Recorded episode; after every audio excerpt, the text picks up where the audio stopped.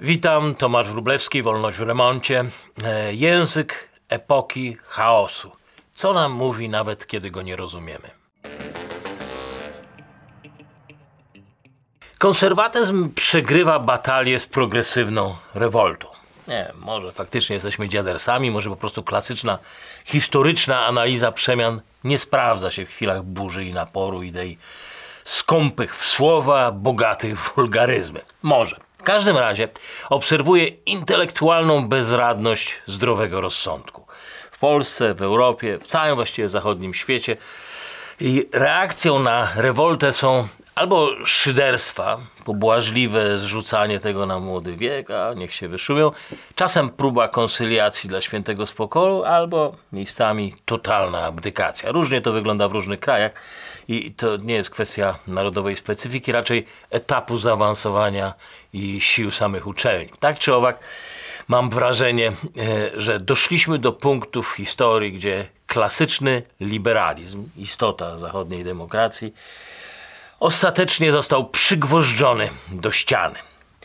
I jak e, pisze Helen Pulkrose i James Lindsay w cynicznych teoriach, ta wojna kulturowa jest wystarczająco intensywna, by jeszcze w pierwszej połowie XXI wieku przedefiniować życie polityczne i społeczne zachodnich narodów.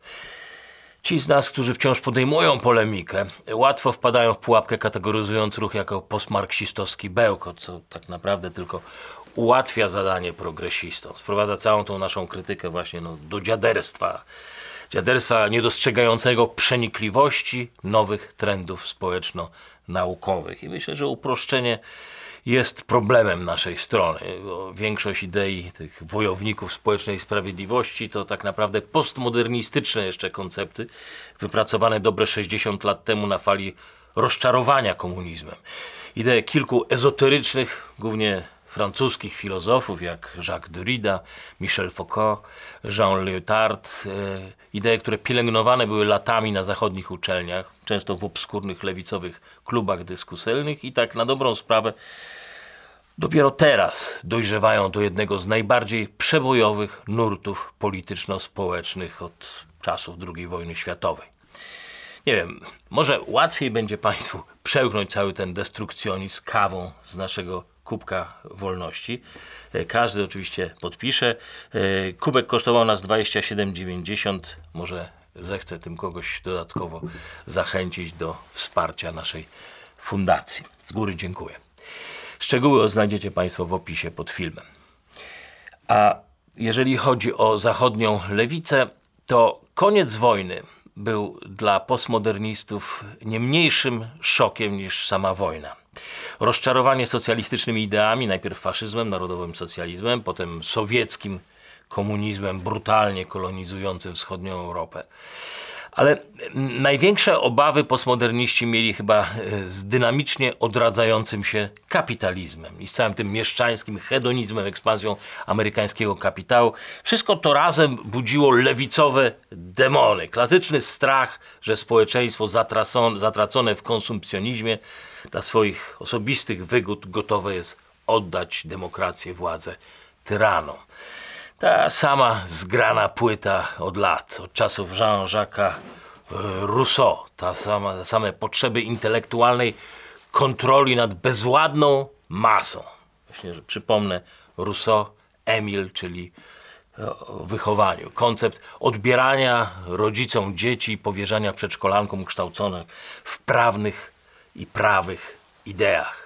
Jak pisał amerykański filozof Mark Lilla, lista lekkomyślnych umysłów jest równie długa albo i dłuższa od tych, którzy popychali świat na drogę rozwoju, ale niewiele nurtów intelektualnych we współczesnej historii było równie oderwanych od rzeczywistości, co właśnie postmodernizm.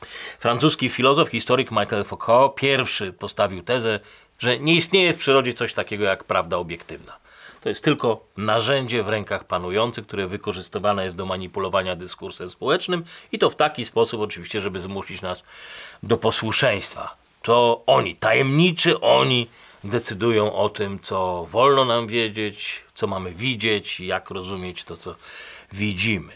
I sposobem na wyjście z tego pierwowzoru Matrixa miał być konstrukcjonizm społeczny, czyli że za prawdę uznajemy tylko to, czego sami doświadczyliśmy.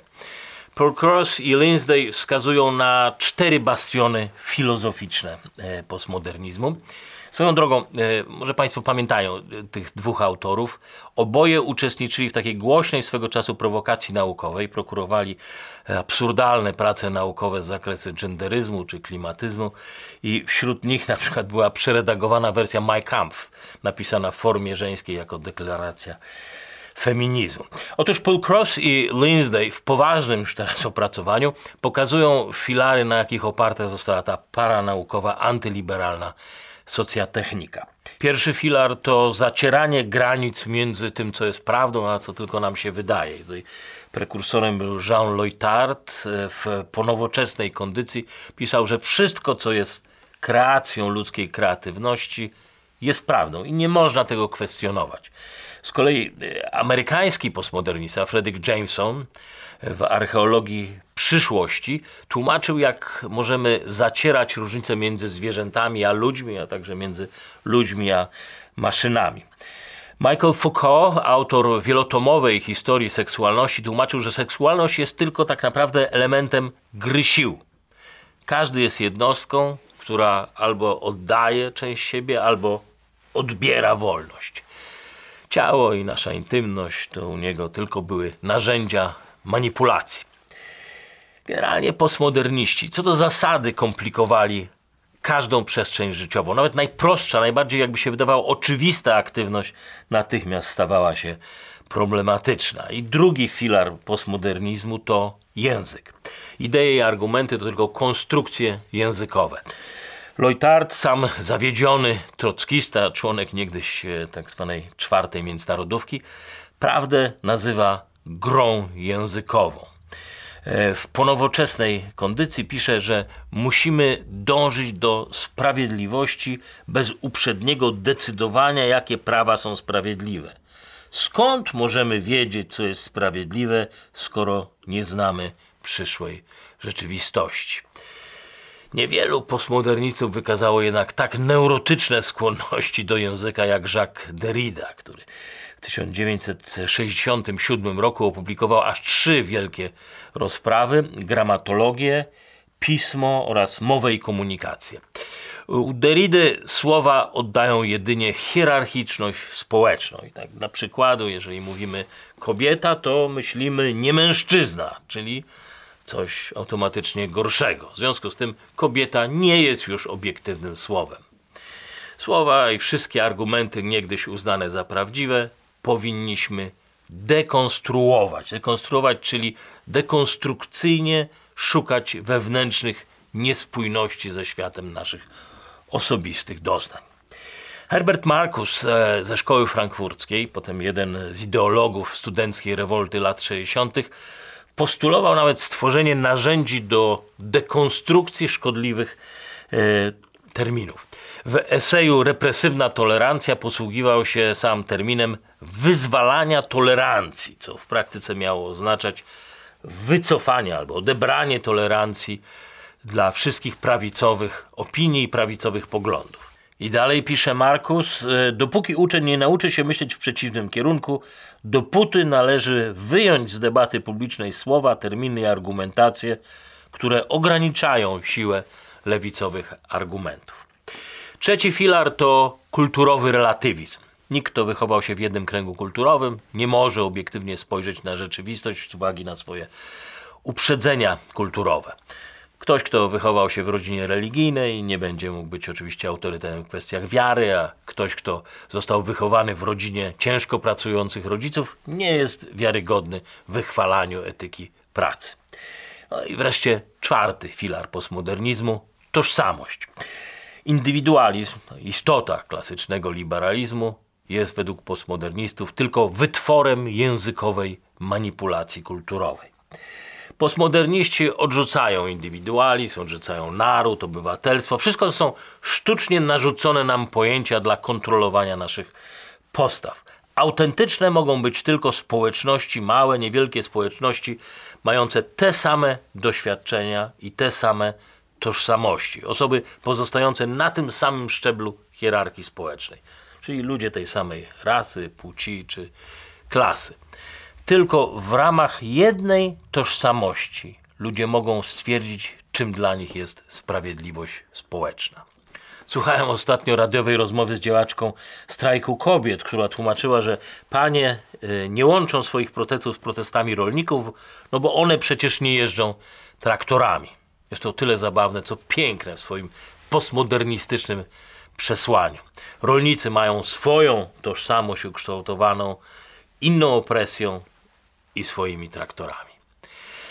Te cztery główne wykładnie postmodernizmu przetrwały praktycznie do dziś. Tyle, że gdzieś pod koniec lat 90. wszystkie te postmodernistyczne idee rozrzucone po peryferiach literatury, psychologii, historii, seksuologii, politologii, wszystkie zaczęły nabierać nagle wspólnych cech i aktywizowały lewicowych działaczy, feministki, ruchy gejowskie, klimatystów, mniejszości rasowe. Wszyscy nagle łączyli się pod jednym parasolem paranaukowej krytycznej teorii sprawiedliwości społecznej.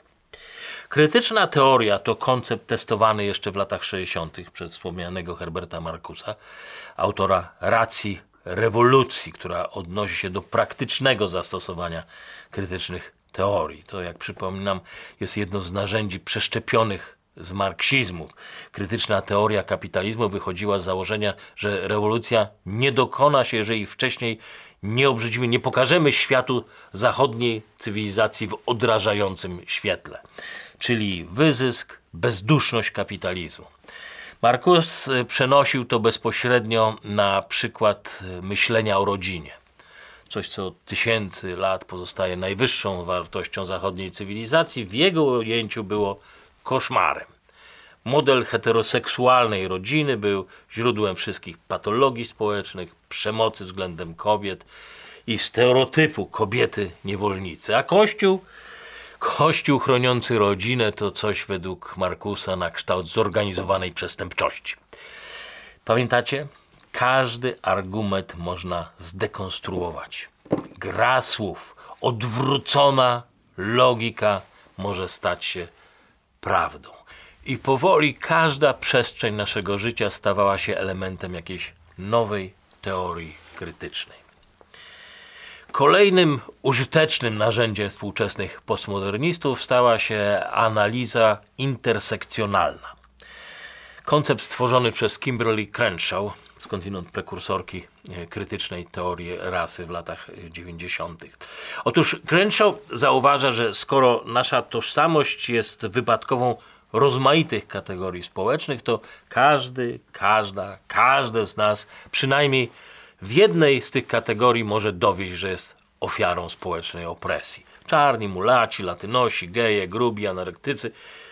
E, może to też jest nadzieja dla nas dziadersów. Choć, jak pisze guru krytycznej teorii pedagogiki, profesor Barbara Applebaum w książce Bycie dobrym y, białym, ci, którzy nigdy nie zostali dotknięci przez opresję, muszą się jeszcze z nią skonfrontować. Applebaum opisuje, jak e, na koniec mojego kursu podszedł do mnie biały student z pretensją, że nie dałam mu szans zaprezentowania swoich prac, podczas gdy wszyscy czarni studenci mieli na to tyle czasu, ile chcieli i na koniec dostali lepsze oceny. Applebaum nam to tłumaczy, że nauka ma nie być tylko nauką, ale również zdobyciem doświadczenia stosowane odpowiednio do kontekstu kulturowego. Co to znaczy? Że jeżeli jesteś białym studentem, to musisz teraz poczuć, co to jest bycie dyskryminowanym. Postmodernizm zmutował się w ideologiczny wirus, który rozprzestrzeniał się po świecie przez stypendia, sympozja naukowe, pączkołał w kolejne wydziały genderyzmu, nierówności społecznych, neokolonializmu, rasizmu. Wirus stopniowo zmieniał krajobraz uczelni, zmieniał też pojęcia, które wydawało się są nierozerwalne z akademią, jak aparat badawczy oparty na twardych dowodach, przejrzysty system ocen – czy niezaprzeczalne fakty, aksjomaty. Profesor y, nauczania matematyki z Uniwersytetu Illinois, Rochelle Guthrie, pisze, Programy nauczania matematyki pełne są opowieści o szkole pitagorejskiej. Zwrotów i terminów utrwalających poglądy, że matematyka została rozwinięta przez Greków i innych białych Europejczyków. W ten sposób powstaje szkodliwe przekonanie, że matematyka jest uprzywilejowaną nauką, jak całość, białość naukowa. Mówisz, masz. Dwóch amerykańskich profesorów opracowało już podręcznik do matematyki, nauka liczb zgodnie ze sprawiedliwością społeczną, gdzie, jak się okazuje, wszystko może być odkrywane od początku. I uwaga, idea 2 plus 2 równa się 4 też jest pojęciem kulturowym. I że z powodu zachodniego imperializmu, kolonizmu uważamy to tylko za jeden ze sposobów poznania. Jeżeli ktoś jeszcze pamięta George'a Orwella, rok 1984, to tam główny bohater Winston Smith pisze w swoim dzienniku: Wolność jest wolnością do powiedzenia, że 2 plus 2 tworzy 4. Ale wielki brat twierdzi, że rzeczywistość i prawda to władza. I kiedy Smith jest torturowany, zmuszony jest, jak pamiętacie Państwo, do powtórzenia, ale także i uwierzenia, że 2 plus 2 równa się 5. Pamiętacie? Rzeczywistość to władza, a język to tylko narzędzie władzy.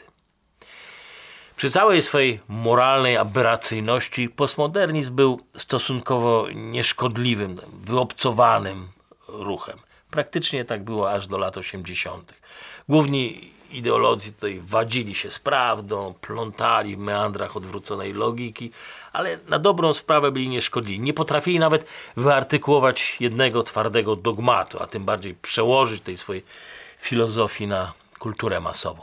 Ale na początku XXI wieku rozmaite teorie krytyczne, postkolonialna, feministyczna, rasowa, queer mieszały się, mutowały w ten jeden wirus, który dalej rozlewał się na pozostałe obszary nauki, a z czasem także na prawdziwe, realne życie, te dziedziny życia na pozór twardo stąpające po ziemi. W nauce proces nazywa się kołem reifikacji, gdzie sztuczny koncept zaczyna być odbierany jak rzeczywistość. Obrosła własną literaturą, tytułami naukowymi, publicystyką, całą własną nomenklaturą, ale także i konwencjami, zjazdami i potężnym zapleczem eksperckim. Krytyczna teoria sprawiedliwości społecznej, a także liberalizmu, nawet jeżeli była oksymoronem pierwotnego znaczenia tych terminów, to jej nowe znaczenie zaczęliśmy uznawać za fakt, za nową prawdę. Winston Smith 2 plus 2 równa się 5. Abstrakt staje się prawdą, prawda staje się nauką, nauka staje się profesją i to dobrze płatną profesją. Na swoim bloku Lindsay y, pisze: Prawdziwy świat zmienia się, aby wchłonąć nowe umiejętności studentów. Powstaje przemysł sprawiedliwości społecznej wart miliardy dolarów, a wszystko to poświęcone jest szkoleniu naszych firm, naszych instytucji, aby utrwalić i kontrolować prawdę według sprawiedliwości społecznej. Nagle prezesi firm, wydawcy tracą pracę. Gwiazdy Hollywood tracą rolę w filmach. Redaktorzy gazet wylatują z gazet, bo do dyskursu dopuścili nieprawe głosy. I ktoś musi ich pilnować.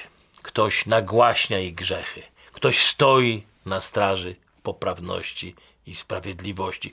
Ktoś traci pracę, żeby ktoś mógł ją zyskać. Pytanie oczywiście, czy intelektualny bilans tego wszystkiego wyjdzie nam na dobre. Żeby bezpiecznie poruszać się w tej matni, trzeba sporo czytać poradników, wykładów i eksperckich wywiadów, które na bieżąco są z nowinkami w zakresie wykrywania rasizmu, białości, białości czy ableizmu. Fina Campbell, autorka książki Kontury ableizmu, e, to jest dyskryminacja z uwagi na niepełnosprawności fizyczne czy nadwagę, pisze, że główną cechą ableisty jest przekonanie, że upośledzenie lub niepełnosprawność są z natury rzeczy czymś negatywnym i że życie tych osób może być lepsze, jeżeli uda się tę niepełnosprawność czy ułomność wyeliminować, a w rzeczywistości, jak twierdzi Campbell, próba naprawy życia innym to przykład litowania się, czy wręcz opresji. Jednym słowem, jeżeli poznamy osobę na wózku inwalidzkim, to w żadnym wypadku nie powinniśmy życzyć jej poruszania się o własnych siłach. Tak samo mówienie o sobie otyłej, że schudła, może oznaczać nic innego jak tylko kwestionowanie jej otyłej tożsamości. Ogromna przestrzeń dla nowego szczepu doradców i ekspertów. Myślę, że e, żeby zrobić w przyszłości karierę w zachodniej korporacji, każdy będzie musiał przejść kurs, jak budować argument w tonie samousprawiedliwiania się, skruchy, jak mówić tak, żeby język nie zdradzał na przykład opresyjnego charakteru relacji z podwładnym, powładnego z drugą płcią. Romans w pracy już dziś, zapomnij. Wall Street twierdzi, że nikt tak naprawdę w amerykańskich instytucjach nie wie, co wolno, a czego w żadnym wypadku nie wypada. Dla badaczy nowego języka y, feminizm płciowy czy teoria queer stały się pełnowymiarowym zajęciem. To są dziś wysoko płatne prace. Książki, podręczniki, poradniki. Wszystko wyrasta równie szybko co firmy doradcze, które żądają korporacyjnych stawek e, za godzinę. Szanująca się korporacja zatrudnia często już całe zespoły ekspercje. Ma też szefa do spraw e, sprawiedliwości społecznej, często w randze członka zarządu. To już nie są prace z doskoku, to jest, są kwitnące kariery. W korporacjach zapotrzebowanie na oficerów do spraw różnorodności e, rośnie, a zarobki trzy dwukrotnie razy są wyższe od średniej w branży. Zawód się profesjonalizuje i dzieli też na rozmaite specjalizacje. Są eksperci do spraw różnorodności, do spraw sprawiedliwości, integracji, terapeuci prowadzący ćwiczenia, e, które pomagają pokonać naszą białość. Są oni w rządowych agencjach, stowarzyszeniach, oczywiście w kancelariach prawnych, w każdym wydziale policji, w szpitalach. Każda szkoła amerykańska, ale także już w niektórych państwach europejskich, powinna sięgać po doradców do spraw wrażliwości społecznej, a każdy z tych doradców sam musi się też szkolić. Nawet pojęcia jeszcze niedawno uważane za radykalnie progresywne, dziś okazują się być nie dość krytyczne wobec otaczającego nas świata. Feminizm teoretycznie nie powinien już nas zaskakiwać niczym. Ruch sięga początków XIX wieku, od jakichś 150 lat jest cały czas aktywny na, w zachodnim świecie, cały czas e, zaskakiwał. Ale na początku XXI wieku zaczął się też dynamicznie zmieniać. Podczas gdy ten pierwotny, liberalny feminizm walczył o równość i zerwanie z tradycyjnymi podziałami na, role, na społeczne role kobiet i mężczyzn, radykalne feministki uznały, że płeć jest konstruktem kulturowym. Że są tutaj z góry przydzielone role prześladowców i prześladowanych. Nie wiedzieć kiedy feministki stały się znowu rewolucjonistkami walczącymi demontaż całej koncepcji e, płci. Judith Lober e, w eseju Zmieniające się paradygmaty i zmieniające się kategorie feminizmu opisuje taką długą drogę feminizmu od lat 70. i jak zauważa, feministki zaczęły rozumieć, że wyzysk gospodyń domowych był integralną częścią kapitalistycznej gospodarki. I to był początek nowej metanarracji, krytycznej teorii feminizmu, która już pełnymi garściami czerpała z marksistowskich wzorców, między innymi naszej Róży Luksemburg, według której prawa polityczne należały się przede wszystkim proletariuszkom, zmuszanym do ciężkiej pracy i wyrzeczeń, najbardziej wyzyskiwanym przez niesprawiedliwy system społeczno ekonomiczny. Współczesne feministki dodatkowo wywodzą kapitalizm od męskiej opresji i mówią o konieczności otwierania się na siostrzania nauki, na przykład teoria queer, czyli wyzwolenie od norm społecznych przypisywanych różnym płciom i seksualności. Stwarza to de facto koalicję płci i tożsamości seksualnych pod jednym ruchomym zestawem akronimów, które zazwyczaj zaczynają się od literek LGBT i w miarę pączkowania wypełnia nam się cały e, alfabet. Czym zatem zajmują się studia gender, które w końcu też obejmują rasę, klasę, płeć i seksualność? Zajmują się wszystkim. Studia genderowe są tak interdyscyplinarne, że uczeni czują się w obowiązku studiować wszystko, wszystko czym parają się ludzie. Oczywiście tylko nakładają na to soczewkę teorii queer, czyniąc naukę, myślę, że przydatną tylko do kształcenia konsultantów do spraw różnorodności wszelakiej. Krytyczna sprawiedliwość społeczna działa jak wirus. Zaraża kolejne liberalne instytucje i kolejne liberalne umysły. Wypacza krytyczne dla naszych swobód pojęcia, obala krytyczne dla naszego porządku społecznego obyczaje. Przekleństwa pretendują do bycia filozofią, a postmodernistyczny nihilizm przyjmuje formę religii zmienia zarażone instytucje w komórki, które produkują nowy, jeszcze nowy kontent, który z kolei ma uwiarygadniać dalej krytyczną sprawiedliwość, uzasadniać też przemianowywanie kolejnych instytucji. Tam, gdzie trafia na silny opór, tam tylko zaognia podziały. Każdy wcześniej czy później musi odpowiedzieć sobie, czy jest za, czy przeciw sprawiedliwości społecznej. Często to oczywiście odbywa się w krzyku, w atmosferze zastraszania i to nie tylko moralnego.